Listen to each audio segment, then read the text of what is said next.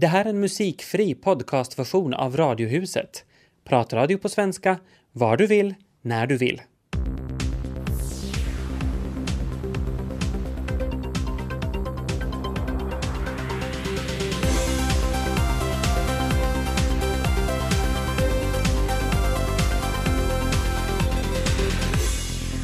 Här är Radiohuset tisdag, välkomna. Ami Lassila och Tina Grönros heter vi och vi befinner oss i Åbo som fullkomligt omfamnar oss med solsken, klarblå himmel och knallgula narcisser i centrum av stan. Ja, från tågfönstret såg jag faktiskt en hel del tussilagon som redan blommar för fullt sådär på sådana här sydslutningar.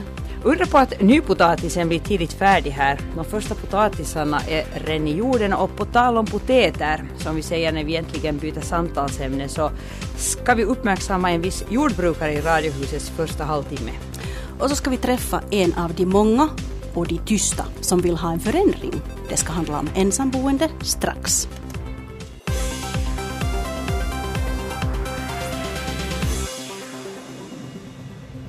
Lite tidigare idag träffade jag Mona Björk på ett café här i Åbo.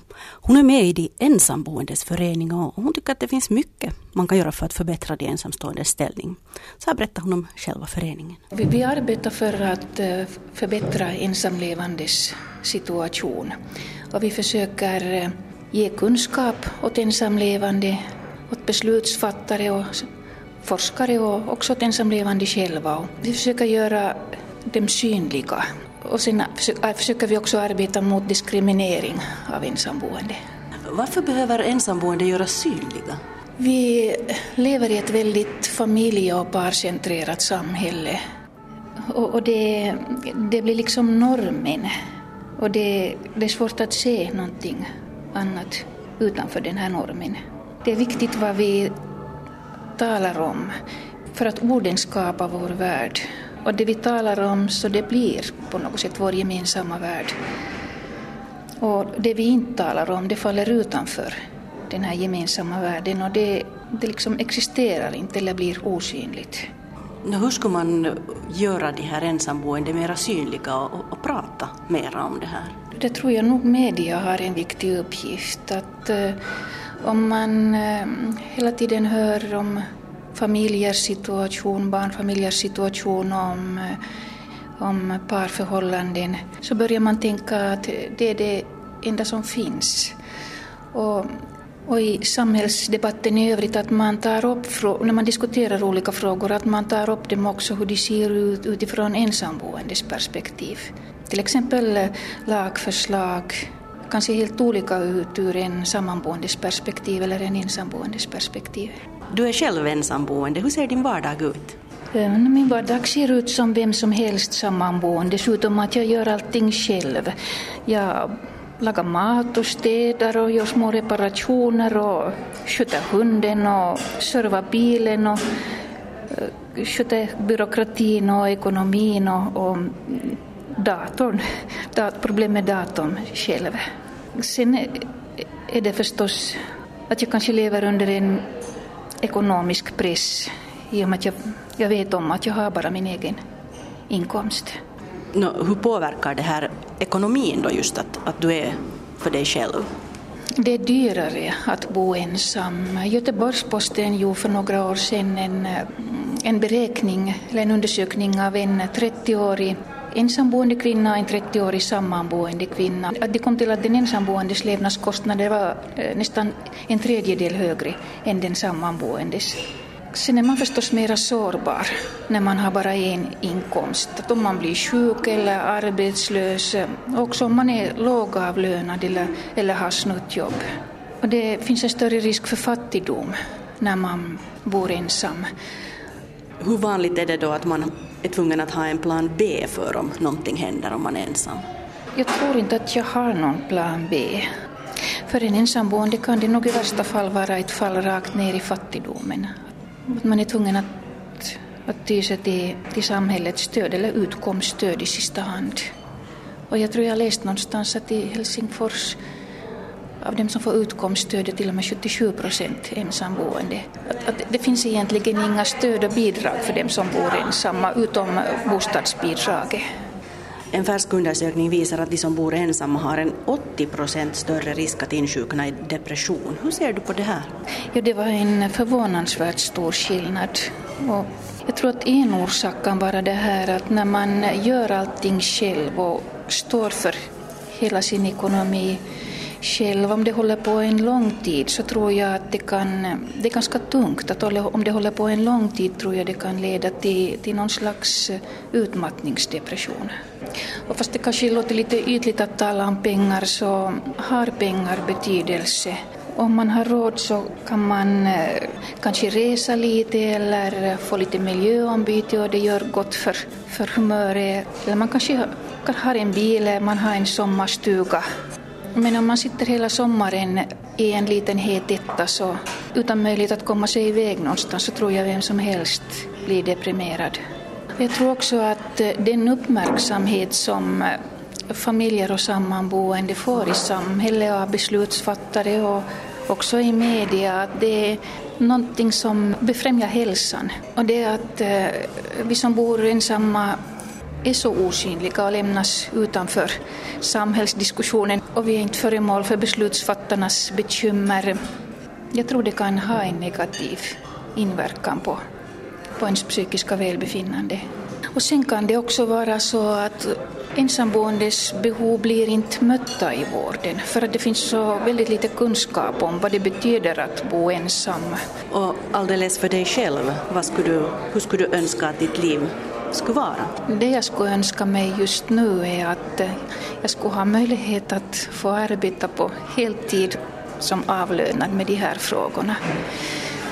För att jag har massor av idéer och det finns så mycket som borde göras och det är så frustrerande när man eh, inte har tid eller ork utanför sitt egentliga arbete och andra obligatoriska uppgifter att jobba med det här så som det ska behövas.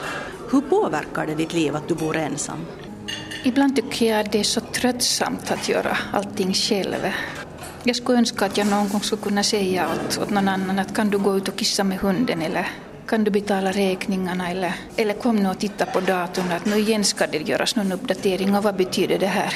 Och sen också att eh, det, ekonomin nog tynger på något sätt fast jag inte aktivt tänker på det men jag tror det finns där omedvetet i, i bakgrunden.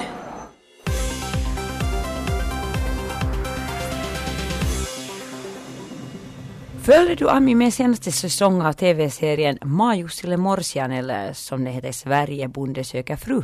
Nej och nej och nej. Det gjorde jag inte. nej, nej, men jag kan i alla fall berätta då att där medverkar jordbrukare Hans Fransén som bekanta till mig känner som Hasse från Brusaby naturbruksenheten på Kimitoön, visst en del av Axel idag. Mm. Jag fastnade några gånger framför TVn när programmet visades och kanske är det på grund av att eh, de här jordbrukarna är så sympatiska eller så var det de där vackra omgivningarna eller så var det för att jag var nog lite nyfiken och så är skvallerfaktorn och alltid lite högre när det är bekantas bekanta som är med mm. i TVn. Och när du berättar så här så låter det mm, riktigt spännande. Mm, ja, men jag blev i alla fall riktigt glad häromdagen när jag hörde i radion, det vill säga i Vega Åboland, mm. att Hans Franzén har fått utmärkelsen Årets ambassadör på Kimitoön. Wow!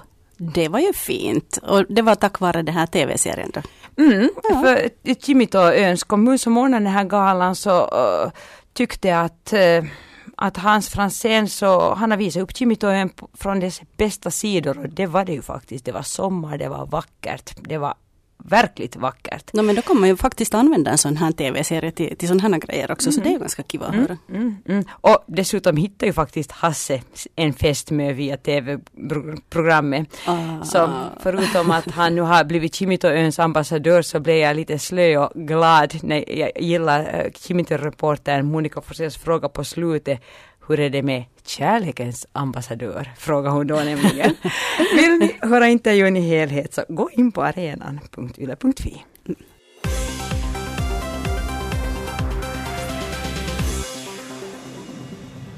Välkommen till Radiohuset Kim Holmberg, webbforskare vid Åbo Akademi. Tack. Vad gör man när man forskar om och kring webben? Ja, det finns en, en massa spännande saker som man kan forska i på webben. Men eh, främst handlar det kanske om olika nya fenomen som, som uppstår på webben, i, i sociala medier till exempel. Uh, men webben kan också ge oss på sätt och vis sån här bakdörr in till, till människornas liv. För allt vad vi gör på webben finns öppet på webben. Så vi behöver inte gå ut och intervjua tusen människor utan det där materialet finns på webben. Så, så vi har möjlighet att studera i, i människors beteende, vad vi gör på webben. Uh, samtidigt också lite skrämmande. Men hej, om vi skulle koncentrera oss på de där sociala medierna, främst tänker jag då på Facebook, så varför har Facebook blivit en så himla stor succé? Ja, det, det är en bra fråga och, och om uh, företag och andra forskare skulle ha nyckeln till det så, så skulle det säkert finnas nya, nya Facebook hela tiden. Eh, jag tror att det har varit en, en summa av flera olika saker. För det första så är ju Facebook jätteenkelt att använda. Vem som helst kan, kan skapa en profil. Och, och för det andra så har det säkert mm, på något sätt äh, vi har haft ett behov som Facebook har, har, har vad heter det, fyllt hos oss. Att vara i kontakt med andra människor, kommunicera med varandra och, och även att hitta gamla bekanta som vi har tappat bort för länge sedan. Och, ja, kommunikation handlar det mest om. Mm, med tanke från på starten så, så uh, har målet så att säga uppfyllts. Är, är uppgiften för Facebook idag den som den var tänkt från början? Uh, no, Facebook säkert tänkte inte i början att de skulle bli så stora som de är. Och, och nu har ju, eller en längre tid redan så har ju Facebook också sett värde, det, det vill säga monetära värde i den personliga information som vi publicerar på webben. Ju mer vi berättar om oss själva på Facebook, så desto, desto värdefullare produkt har Facebook att sälja vidare till företag som använder Facebook som en plattform för, för sina annonser. Hur oroliga ska vi vara för den saken då, det här med att våra uppgifter används så här kommersiellt? No, företagen säger ju att eh, tack vare det här så behöver vi inte se några annonser som inte intresserar oss. Och, och på det sättet så gör de oss en, en tjänst. Mm, lätt för dem att säga. ja, men ja, vissa, vissa kan köpa det, tycker att okej, okay, att fine, att det är ju en bra tjänst. Men uh, det viktiga tycker jag är att man är, man är själv medveten att mina uppgifter kan användas på det här viset.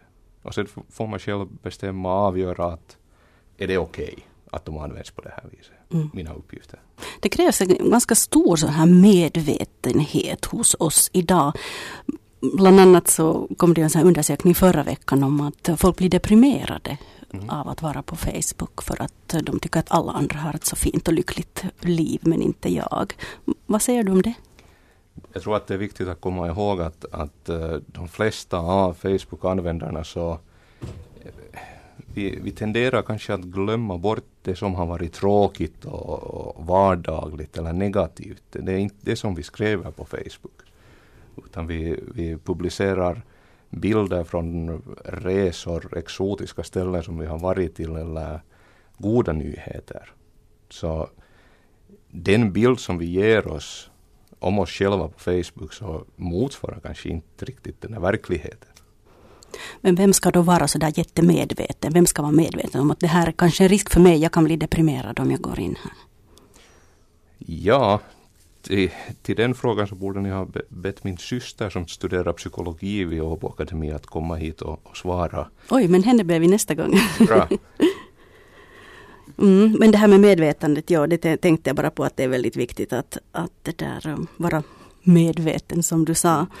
Men um, hur är det sen då när man bestämmer sig för att um, man inte ska vara med? Hur utestängd blir man då?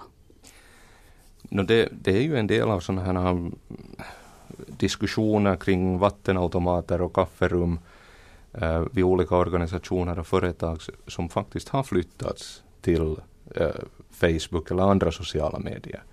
Så, så visst finns risken att man går miste om någonting om man inte är med i Facebook.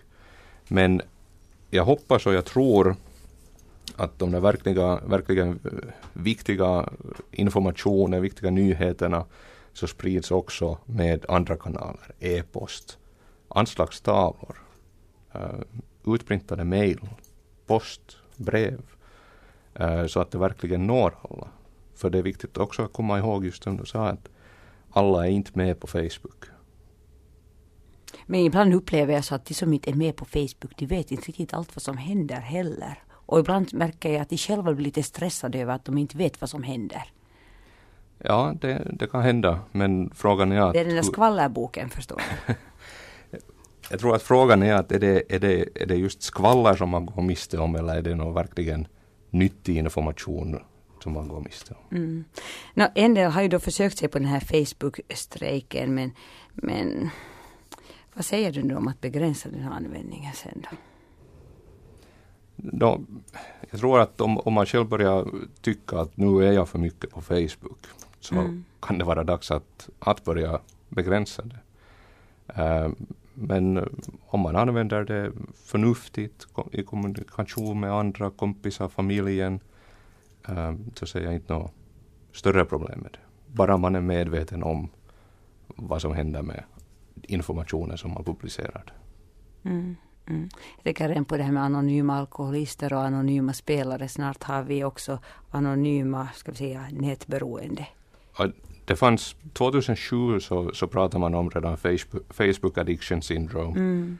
Um, och när det kommer nästa stora hit i sociala medier så, så pratar vi säkert om det också. Mm. Och vad tror du förresten, Kim Holmberg, om framtiden och till exempel de sociala medierna? Hurdana nätkontakter kommer vi att ha? Ja, äh, sociala medier tror jag nog att har kommit för att stanna. Men, men hur de kommer att se ut i framtiden så äh, det kan man bara gissa sig till. Äh, Facebook, Twitter är visserligen så stora redan äh, runt om i världen att det kanske är svårt att, att tro att de skulle sådär mitt i allt försvinna. Men det har nog hänt tidigare också. Det finns många andra stora saker som har försvunnit. Absolut. Mm. MySpace var för några år sedan så var MySpace den där kungen av sociala nätverk och nu har de helt förlorat kampen mot Facebook. Mm. Men någon form av sociala medier kommer att finnas alltid? Ja, alltid är, är kanske lite väl att ta i men, men i en, en vad ska vi säga, så långt fram som vi kan se nu idag och tänka oss så tror jag att det kommer att finnas någon form av sociala medier. Tack ska du ha, Kim Holmberg, webbforskare vid Åbo Akademi. Tack. Namn är ju otroligt fascinerande, alltså människonamn helt enkelt. Och nu kommer en undersökning kring namn i USA. Och det visar sig att allt fler bebisar får ovanliga namn vart tionde barn får faktiskt namn efter någon kändis. Mm -hmm, mm -hmm. Alltså i Sverige vet jag ju att det varit jättepop också att man har haft sen sådär, äh, inte efter kändisar men typ att man har hetat Smultron eller inte riktigt Timotej men nästan. Mm. ja, samtidigt visar ju den här undersökningen så någonting som kanske föräldrar kunde tänka på att när namn blir så här jättepop så 15 till 20 år senare så hamnar de plötsligt på listan för mest hatade namn. Och det mest hatade jag måste säga, det är då någonting som jag vet inte hur det uttalas i USA nu, är Neiva. Det hittar man på på 90-talet. Och det är alltså Heaven baklänges. Och nu tycker man att det här är tillgjort och, och konstigt. Är det kvinnor eller, eller ska vi säga flickor eller flickor, pojkar som heter tror jag ska få det här namnet. Om man på svenska då skulle försöka se på detsamma så skulle det då bli Lemmich. Himmel baklänges helt enkelt. Ja, ja. Det är nog kanske inte så jättefint. Pojkarna från den här samma tidsåldern har fått heta Jaden, Braden, Aiden eller Caden och flickorna heter Mackenzie, McKenna och Makaila. Och inga av de här namnen är pop just nu. Mm, mm. Jag kommer tillbaka till mitt smultron. Så jag tänker bara så här att smultron är sött på en ettårig flicka.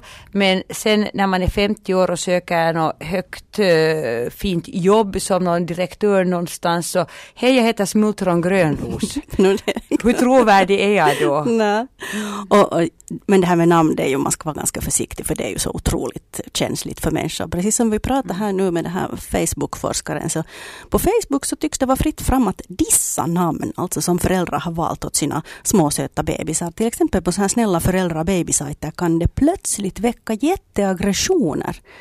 Jag vet inte, det är väl någonting med det är förbundet med helt enkelt med ens identitet och, och vem man är. Jättefult i alla fall. Så, så det var mot prinsessan Estelle. Mm. Att dissa henne. Man ska inte dissa andras namn. Vi gör inte. Nej.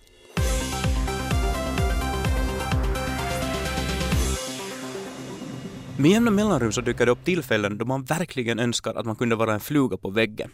Senast jag önskade det här så var faktiskt eh, igår när jag hörde att Sauli Niinistö och eh, Nya Zeelands premiärminister John Key träffades i Seoul deras egentliga roll där var ju att diskutera det här med kärnvapenfrågor och, och rädda världen och någon ni vet det här och säkert lite Syd, Sydkorea och Nordkorea ska kramas och bli vänner igen. Men den stora, stora grejen som var på allas läppar igår, åtminstone på Saulis och John Keys läppar, var ju nog den här eh, nyzeeländska ministern Gordon Brownlee som dissade Finland ganska hårt här i helgen. Han, han tyckte att uh, Finland, det är ju ett land man inte kan ta exempel av eftersom där är, eh, vet ni, mördare och ojämlikhet och dumma människor och alla är bara agrarer och bönder och kan ingenting. Nå, det blev ju något av ett litet internationellt bruhaha där John Key, Nya Zeelands eh, premiärminister, nu har då officiellt bett om ursäkt och eh, också den här ministern, trafikministern Gordon Brownley har bett om ursäkt att det han sa var kanske lite ogenomtänkt helt enkelt. Men kan ni föreställa er den där träffen?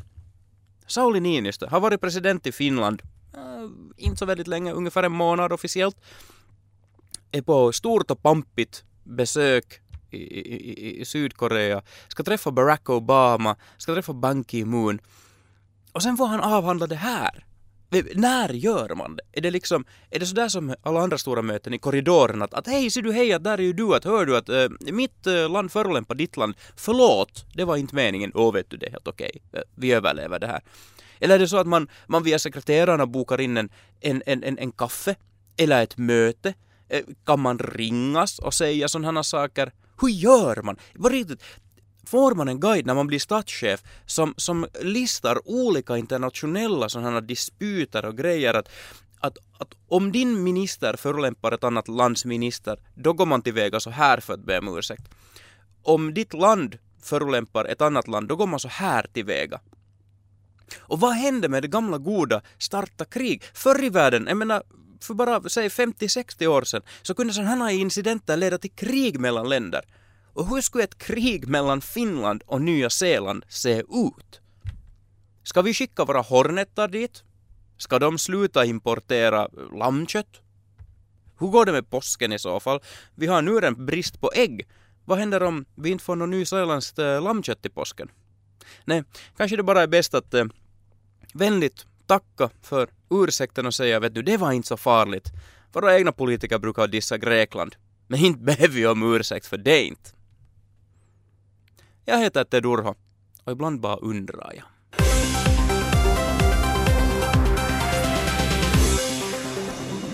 Vi har ju tidigare här idag pratat med webbforskare Kim Holmberg om Facebook-beroende och jag som ju är lite beroende så har varit inne och tittat idag och snappat upp en ganska skojig sak.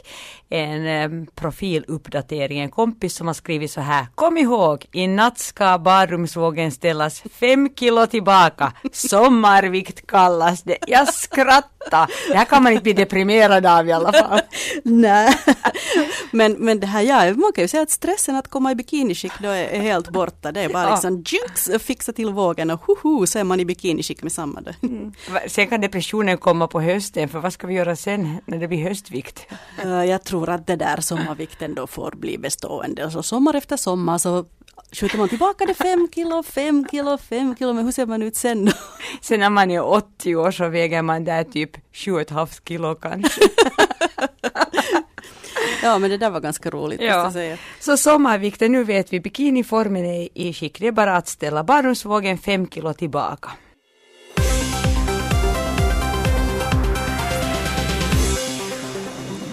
Nu ska det då handla om tv-programmet Åktur som kan ses i Turku TV, åtminstone en tid ännu framöver. Finansieringen och framtiden ser oviss ut för det åboländska magasinprogrammet. Välkommen hit till Radiohuset Maria Olin. Tack. Maria Olin är alltså en av Åkturs två redaktörer. Första avsnittet visades för tre år sedan. Mm. Mm. Och på gång är sjunde säsongen. Berätta nu Maria, vad är Åktur för tv-program? No, Åktur är ett lokalt tv-program en halvtimmes program som sänds en gång i veckan. Och Åbo vi hör ju till Åbo underrättelse så det är som en liten tv-redaktion på, på Åbo underrättelsetidningen. Mm, och det där, ja. ja. Och vi är två redaktörer, precis som du säger, två deltidsredaktörer. Och, det där, och så gör vi egentligen, det, det skulle egentligen vara lättare att säga vad åktur inte gör. Alltså vi gör inte nyheter, men vi, vi gör allt annat. Vi träffar folk och, och hör vad de sysslar med i sin vardag, vad de har för hobbyn, vad de funderar på, vad de klär sig i, vad de äter på sina kaffepauser, vad de kör för fordon, vad de, ja, egentligen ja, vad som helst. Är det därifrån åktur kommer när ni lite funderar också på fordon och hur man tar sig fram i, i till exempel åboländska skärgården? Mm. Alltså åktur, namnet som vår producent Patrik Fällman hittade på, så var ju dels det att han ville att det skulle finnas i namnet både Å och U-bokstäverna från Åbo-underrättelser. Och sen att det skulle liksom vara en färd i liksom i den här åboländska skärgården i Väståboland och i Kimito och i Åbo. Och sen skulle det vara färd liksom med olika sorters fordon. Sen kunde det vara färd till fenomen, till människor, till utflyktsmål, så här. Att det, det var liksom den där tanken med det där namnet. Mm. Vem är det som ni i huvudsak gör det här programmet för? Är det för åbolänningar? No, eh, på det sättet förstås att, att eftersom man har kunnat se det på den här lokala TV, eh, TV-kanalen Turku TV så begränsar det ju att, att vem kan se på det. Så då alla de som kan se på det har vi förstås gjort det åt. Men sen har man ju kunnat se det på nätet också hela tiden, hela vägen. Så att vem som helst som intresserar sig för, för människor. Mm. Och du sa ju redan att, att det här är egentligen Åhus produktion men är det Åbo underrättelsen som, som betalar hela kalaset eller vem är bakom det? Nej, utan finansiärerna har ju varit äh, Svenska kulturfonden, Stiftelsen för Åbo Akademi och sen första året var också Väståbolands stad, numera Parkastad och Kimito var med som finansiärer. Mm, men nu har då en del av finansiärerna dragit sig ur projektet, varför det? Det vet jag inte. Det vet jag inte. De här kommunerna var med då 2009 med en viss andel och sen, sen de här stiftelserna då. Men att nu, nu vet vi inte hur det ser ut. Mm, någonstans tycker jag mig ha läst eller hört att, eh, att en orsak skulle vara kanske att ni finns just på, på en så här, eh, lokal tv-kanal som är kabel kanal dessutom och inte kan ses av åbolänningar så där gemene man. Mm. Och det där med kabel var ju på det sättet att, att fram till årsskiftet 2011-2012 så kunde man ju se det i antennnätet. Men TS-koncernen som alltså äger Turku TV-kanalen så hade stora inbesparingar och och hade också jättelånga samarbetsförhandlingar i höstas. Och en inbesparing var då det att man slutade köpa de här antennsändningarna som kostar flera hundratusen i året. Så att, att då blev det på det sättet att man kan se det i kabelhushåll, men alla kan ju se det på nätet. Men, men som svar på din fråga om vad som hände, så det vet jag inte med den här finansieringen. Att vi är ju nu mitt i samarbetsförhandlingarna. Så att, att före vi är klara med det så, så kan, man, kan ingen av oss ännu svara på hur det mm. ser ut. Mm. Nu har ju Oktu faktiskt gått ut i en helt finskspråkig TV-kanal. Mm. Hur funkar det att, att en sån svensk eh, produktion går ut i, i finskspråkig kanal? No, alltså vi hade ju inte, eller hade inte och har inte heller en egen TV-kanal förstås, alltså underrättelser. Och då fanns det den här lokala TSTV, eller som det heter nu för tiden, Turku TV hette det förut. Och, och, det blev ett väldigt, liksom från början, ett väldigt naturligt, väldigt roligt samarbete med den kanalen. Så det har ju nog gett mervärde förstås för dem att de har en sån här, sån här TV-program. Och sen för oss det att, att, det där, att vi har ju en publik alltså som består till en jättestor del av finskspråkiga tittare människor som har varit vana att se Turku TV, varit vana liksom att hitta till den kanalen och, och då liksom i det där flödet där av program så har de hittat också vårt program. Och vi har ju ständigt haft det textat alltid, alltså från allra första början har det varit textat till finska. Så att, att det har tydligen varit lätt, lätt att ta till sig för att vi, vi, träffar ju liksom folk på stan som kommer fram och säger att är inte du som jobbar på Oktur? Jag måste få fråga här, mm. jag blev så nyfiken när du sa att ni har gjort allt mellan himmel och jord. Mm. Vad är det roligaste du har gjort? Oj, oj. Det, det är nog liksom det, det, är så mycket olika saker, att, att roligt på många olika sätt. Mm. Att, att nu kanske det mest det roligaste, alltså vi skrattar ju jättemycket alla, att om det är så att, att, man, att vad man skrattar åt så skrattar vi ju ständigt med människor när vi intervjuar och gör saker. Men att, att nu, nu kommer jag nu kanske att tänka på en sån här helikoptertur som vi gjorde som vi gjorde med det här gränsbevakningens helikopter och då fick vi ju liksom klä oss i de där, de där torrdräkterna och, och vi blev vinschade liksom ner i havet och sen får helikoptern en sväng och sen blev vi liksom utbärgade turvis med Linda Granback då som är min kollega. Så det var ju nog tufft. Och det, när det är tufft och häftigt så är det också samtidigt roligt. Att det, det var nog en sån där väldigt så extrem och hemskt, hemskt rolig grej. Men jag skulle ändå inte vilja välja ut någon så därför att att det är de här mötena med människor. Jag tänkte inte vara så strikt. Nej, tack. Bara, du får nämna fast några. några ja. ja, men det är nog alltså de här mötena med människor. Det, de är nog jätteroliga. Hurdana människorna har varit när ni har kontaktat och sagt att hej, att vi jobbar på en sån här redaktion som heter Åktur och, och det är egentligen en tidning men vi gör TV. Hur har folk uh, ställt sig till, till er? Alltså det där är ju så roligt för att vi hade inte hållit på på riktigt säkert mer än en månad. Så var det ju märkligt att när man ringde till folk, hej, jo jag vet, jo jag har sett, jo kom bara. Alltså det har liksom aldrig varit något, ja kanske en gång eller två högst när någon har sagt nej jag är inte intresserad, att jag vill inte stå framför kameran. Att, de, att, att folk har liksom haft jätte sådär låg, känns det för oss att det har varit låg tröskel liksom att ställa upp. Jo, jo, kom bara, jo ni får komma, naturligtvis välkommen. Och det har varit jätteroligt och jag menar det inspirerar ju sen att man blir bara mer och mer sådär liksom åh det här och det här vill jag göra för att det känns att alla bara ställer upp för oss. Mm. Finns det mycket att göra i Åboland ännu? Oj, det skulle finnas hur mycket som helst. Jo, jo, jo, jo. Och det är ju det där som är spännande att, att det blir jag menar de här kretsarna är ju så små Eh, så när, man, när vi gör en grej någonstans så kan den där som vi har pratat med säga, ja men vet ni vad, att min kusins fru har ju faktiskt någonting. Att henne borde ni ringa. Och sen ringer vi och sen så där håller det på så att, att det liksom bara strömmar in och vi får ju tips av tittare. Att inte, inte liksom vi har långa listor på vår anslagstavla. Vad är samtalsämne nummer ett nu? Vad är det liksom som snackisen som går eller något sånt här som, som folk talar ganska mycket om? Mm. No, jag tror att vår förra veckas avsnitt när vi fyllde tre år och vi gjorde inte något desto större kalas om det men där hade vi ett inslag där jag gick på glödande kol. Det var nog ganska horja. ja, så det kan nog hända att det är sånt som folk funderar på. Ja.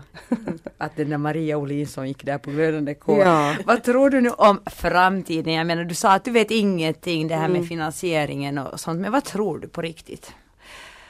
Om åktur och framtiden? No, jag tror nu på det sättet att åtminstone tror jag så att det skulle finnas ett behov. Att vi tror nog starkt på det att det finns ett behov och att det finns liksom en beställning på att göra någonting som är lokalt för livet är lokalt som Åhus devis heter. Och det är så att vi är nog alla intresserade av det som händer i vår näromgivning, det som berör oss. Folk vi känner, folk som har likadana hobbyn, folk som rör sig i de regioner där vi är bekanta. Så att, att, att som komplement liksom till det som, som sen erbjuds annat liksom från världen och, och annanstans liksom i landet eller om vi tänker nu på på rundradion och på FST, liksom det här nationella utbudet och, och nordiskt utbud, så nu finns det en beställning för det lokala. Det tror vi på. Men vad nu sen Åktus framtid är, så det vet jag inte. Vi får vänta och se, mm. inte höra. Tack ska du ha Maria Olin. Tack.